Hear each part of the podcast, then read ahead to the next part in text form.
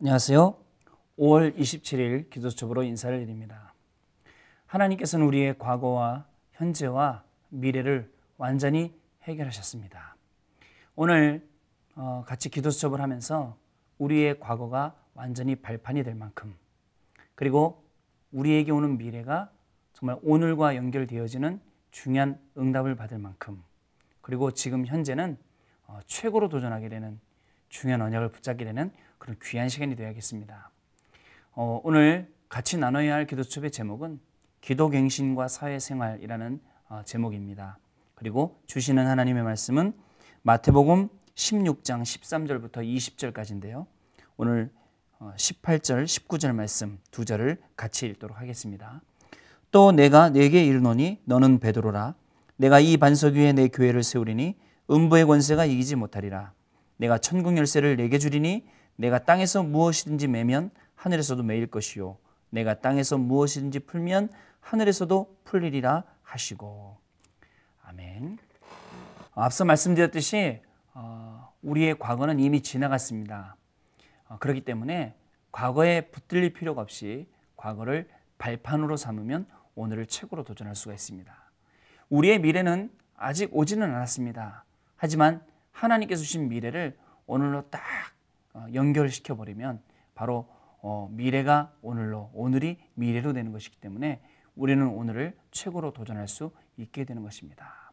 오늘을 기도 수첩으로 시작하면서 하루 종일 최고로 도전하며 승리하시는 멋진 응답들이 현장에서 가득 넘치길 바랍니다. 자, 필요하다고 느끼면서도 어, 어려운 것이 자신을 향한 갱신입니다. 갱신은 지금의 시간표를 바로 보는 것이고 또 자기 자신을 바르게 보는 것입니다. 응답받을 사람은 분명히 갱신을 해야 되는데요. 그 중에 제일 중요한 것이 바로 기도의 갱신입니다. 요셉을 예를 들면 요셉은 집에 있을 때와 노예로 있을 때 어, 기도가 달랐던 것을 볼 수가 있고요. 다윗도 목동으로 있을 때와 쫓겨다닐 때 이렇게 기도가 어, 달랐던 것을 볼 수가 있습니다. 그러면 기도 갱신은 어떻게 하고 또 기도갱신은 무엇부터 하면 될지 오늘 중요한 응답들을 어, 기도첩을 통해서 찾는 그런 시간이 되어야겠습니다. 첫 번째로 복음갱신입니다. 자, 복음갱신을 시작해야 되는데요. 복음갱신이란 말은 어, 무슨 말일까요? 복음의 근본과 기초를 분명히 하는 것인데요. 복음을 말로만 하는 것이 아니라 정말 복음을 사실적으로, 구체적으로, 그리고 복음을 내 것으로 누리는 것을 말하는 것입니다. 그리고 일에 대해서는 아주 성실하면서 합리적이어야 합니다. 그래야 아, 우리가 하는 모든 것들이 정말 하나님이 역사하시고 하나님의 응답이 나타나고 이 일에 증인되는 것을 우리가 알 수가 있는데요. 그러면서 믿음으로 도전을 하고 그리고 하나님이 주시는 힘, 말로만이 아니라 실제로 모든 일 가운데 모든 스케줄, 모든 생활 속에 이 힘을 체험을 해야 하는 것입니다. 24시간 기도하면서 우리가 회복하고 얻을 것이 무엇이냐면 바로 영역이라는 것입니다. 그리고 그 다음에 메시지나 전도 자료나 메시지를 듣고 또 전도 자료를 주거나 또 전도 자료를 접하거나 이렇게 하면서 우리의 지력을 회복하는 것이며 시간 날 때마다 계속 꾸준히 운동하면서 앞으로 세계복음을 할 수 있는 체력도 우리가 회복을 해야 하는 것입니다.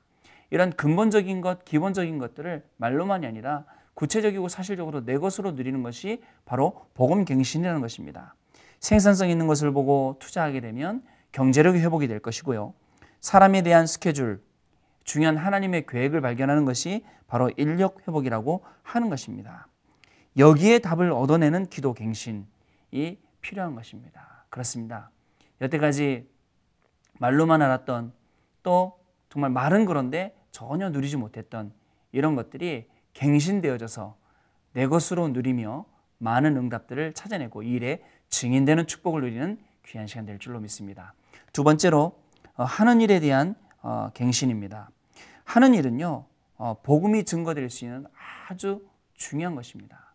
그만큼 내가 하고 있는 일들은 내가 지금 하고 있는 이 일들은 너무나도 중요한 것인데요. 어, 기도 갱신과 함께 자신이 하는 이 일을 갱신을 해야 합니다. 다른 사람보다 10배로 일할 수 있어야 됩니다. 그리고 다른 사람보다 100배 영향력을 줄 수 있어야 됩니다.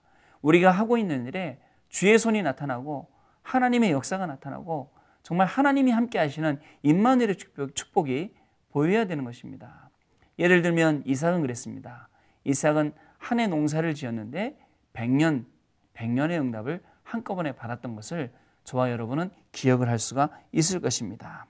또 요셉은요 어, 노예로 끌려갔지만 결국은 가정총무로 그리고 감옥에 갔지만 결국은 국무총리로 이러한 중요한 응답들을 보게 되는데요.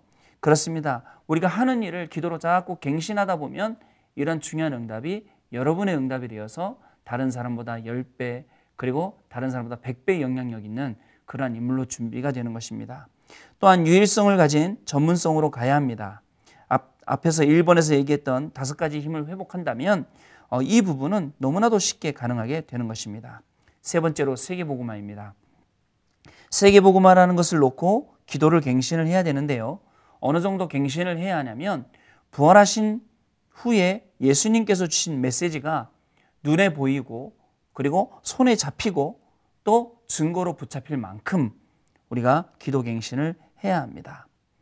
눈에 이런 주님의 메시지가 보이고 그렇다면 우리에겐 질문이 없어집니다. 어떻게 해야 되지? 라는 이런 질문이 없어질 정도로 완벽하게 하나님이 우리를 인도하고 계신다는 사실을 항상 느끼고 항상 감사할 수밖에 없게 되는 것입니다.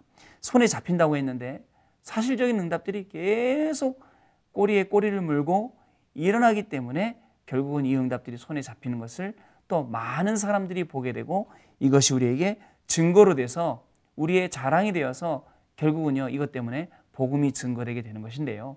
세계 복음을 향한 주님이 주신 이 메시지 이것들이 정말 여러분의 것이 되어지고 누려지는 어, 그런 귀한 응답들이 계속될 줄로 믿습니다.